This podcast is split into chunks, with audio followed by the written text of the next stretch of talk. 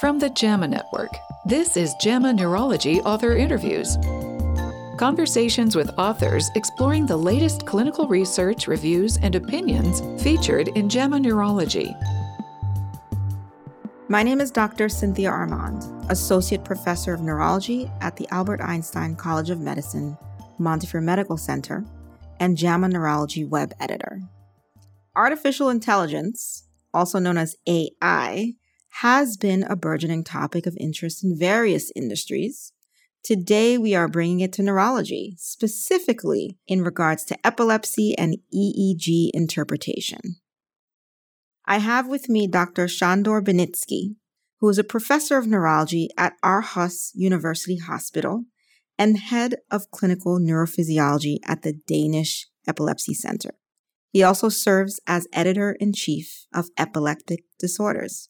Today, we are discussing the work of him and his colleagues entitled Automated Interpretation of Clinical Encephalograms Using Artificial Intelligence. Dr. Beniczky, welcome to the podcast today. Thank you for the invitation. I'm very excited about this topic. And what I wanted to start off with is what is known in terms of artificial intelligence in this space of epilepsy and EEG interpretation?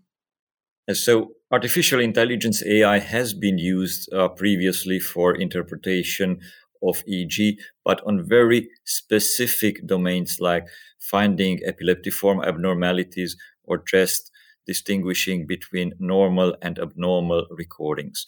And the other limitation in the previous studies was that mainly they focused on short epochs, like one or two seconds of EEG, which is not the real world scenario where you have a 20, 30 minutes standard recordings.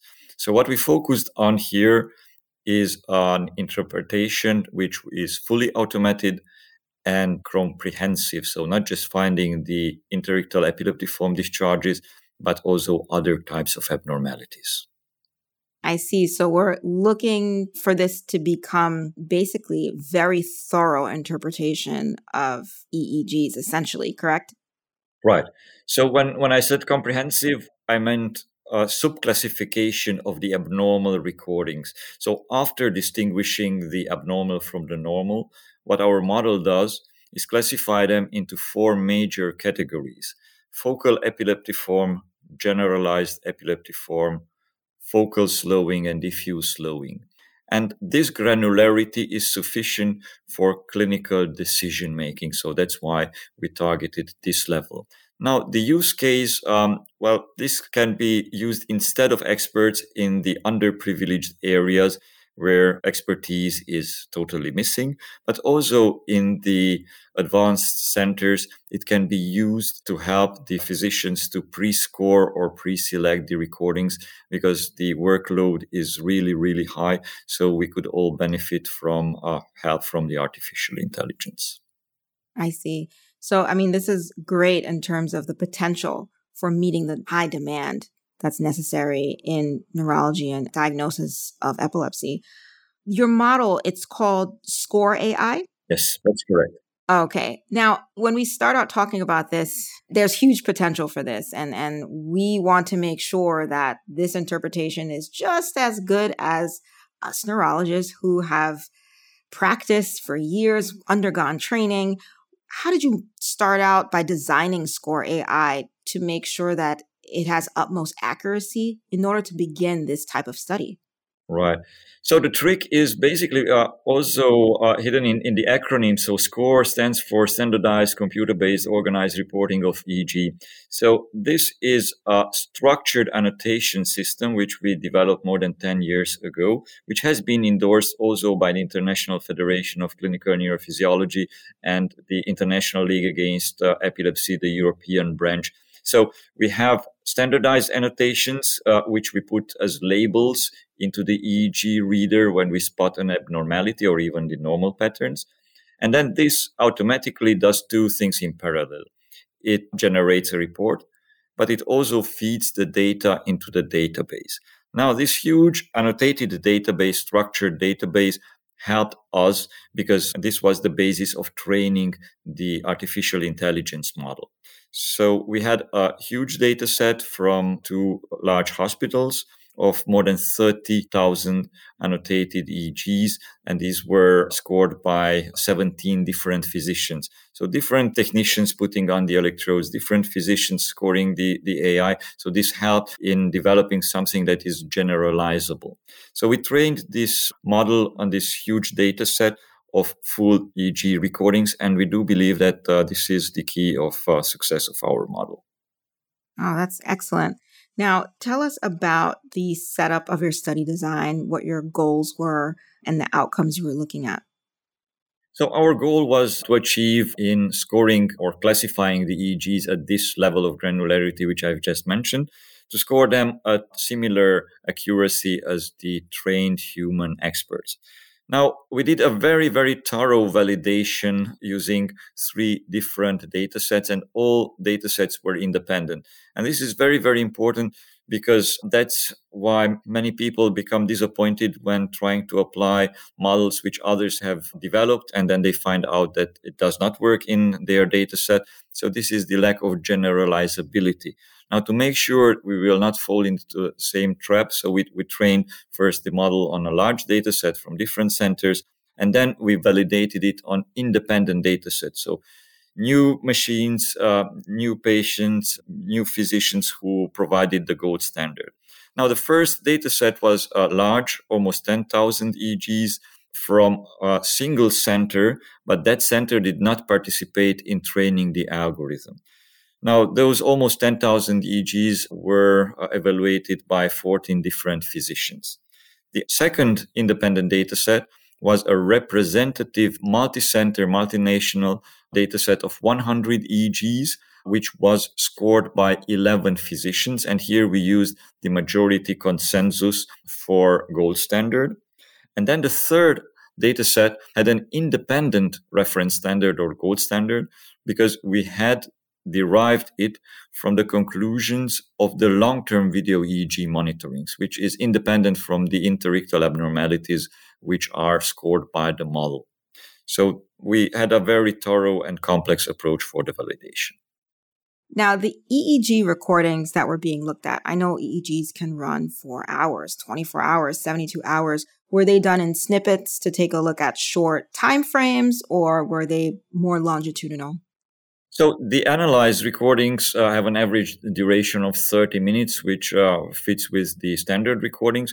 Now, how the model does it? Well, it evaluates it in two steps. So first, it evaluates 16 seconds windows, and then it integrates the 16 seconds windows into a whole recording level. So you get at the end of the processing, you get a bottom line result that is, okay, this recording is normal or this recording has focal epileptiform abnormalities. And then going back to the Windows level, it also highlights you where those abnormalities are. Ah, that's very good. Now let's talk about the results in terms of its accuracy. I know there were, it was being compared to real live human readers. So let's talk about that. Right. So we had 11 experts who evaluated the multi-center data set. And then first we looked at the inter-rater agreement between the experts because, you know, often it is stated that EEG per se has a low inter-rater agreement. But here we also have an interesting finding. So the previous studies with relatively low inter-rater agreement looked at screenshots, but that's not again the real life. So here we asked the raters to score the whole EEG at this granularity with the five categories, so the one normal and the four abnormal. And then with this approach, we believe fits much better with the real life scenario than uh, looking at, at screenshots. So with this approach, we found that the experts had substantial and uh, for one of the categories, even almost perfect agreement. So when, when it came to deciding whether the recording has any generalized epileptiform discharges, even the experts had an almost perfect agreement. For the rest, the agreement was substantial except for focal non-epileptiform, so for focal slowing, where the agreement among experts was high moderate. And it was also high moderate when um, there were several abnormalities, several different types of abnormalities in the same recording. Now, the agreement between the AI model and the consensus majority of the experts was at least as close to the gold standard as the average of the individual experts. So there were two domains, namely where the model came actually closer, significantly closer to the consensus majority decision as compared to the group of experts. And this was on distinguishing normal from abnormal. So here the agreement coefficient between the majority consensus and the AI model was 0.9. For the experts, the average experts, this was only 0.7. And also when multiple abnormalities were present, then the score AI model reached an agreement which was substantial, 0.69. And then the average experts was only in the domain of moderate agreement that was 0.49. Definitely significant results. And it really calls to attention perhaps the worry that some individuals may have with this type of technology.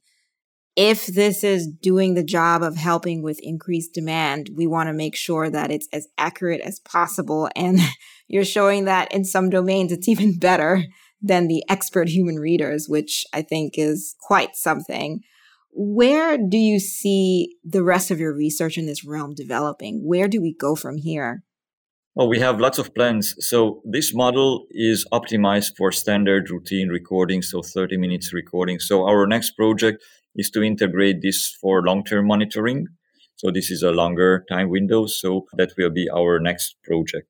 Then we would like to increase the granularity. So, for example, not just state that uh, this is a focal epileptiform, but state that this is a left temporal focal epileptiform abnormality. So, increase the granularity in subclassifying. Uh, so, increase also the, the spatial resolution of the outcome of the model. Then another development is uh, decreasing the number of sensors. So now the minimum number of sensors which we need for this recording is 19. So that's the classical 1020 setting of EEG. Now we are working on decreasing this. Uh, I know this sounds ambitious, but we would like to decrease this to just one EEG channel. So basically, you could get in an ambulatory or outpatient setting an, a basic EEG diagnosis just by sending wearable device to the patient. The patient could put the device on his or her head and then make a, a short 20, 30 minutes recording with uh, just a single channel send back the data, and then the AI model would analyze this single channel. So these are our next projects. Yeah, so not quite ready for prime time, but certainly well on its way. And in the strategy that's involved with this type of project is certainly fascinating and well worth the time. Dr. Abenitsky, thank you so much for this work in this realm. I'm certainly looking forward to your next projects, certainly. Thank you for the invitation. And I would like to take the opportunity to thank my colleagues and friends who helped me in developing this project, especially Jesper Tveit, who is the first author in the paper, uh, and uh, my friend and collaborator, Harald Aurlien. Thank you for listening to the JAMA Neurology Podcast. To follow this and other JAMA Network podcasts, please visit us online at jamanetworkaudio.com. This episode was produced by Daniel Morrow at the JAMA Network. This is Cynthia Armand. Thank you for listening.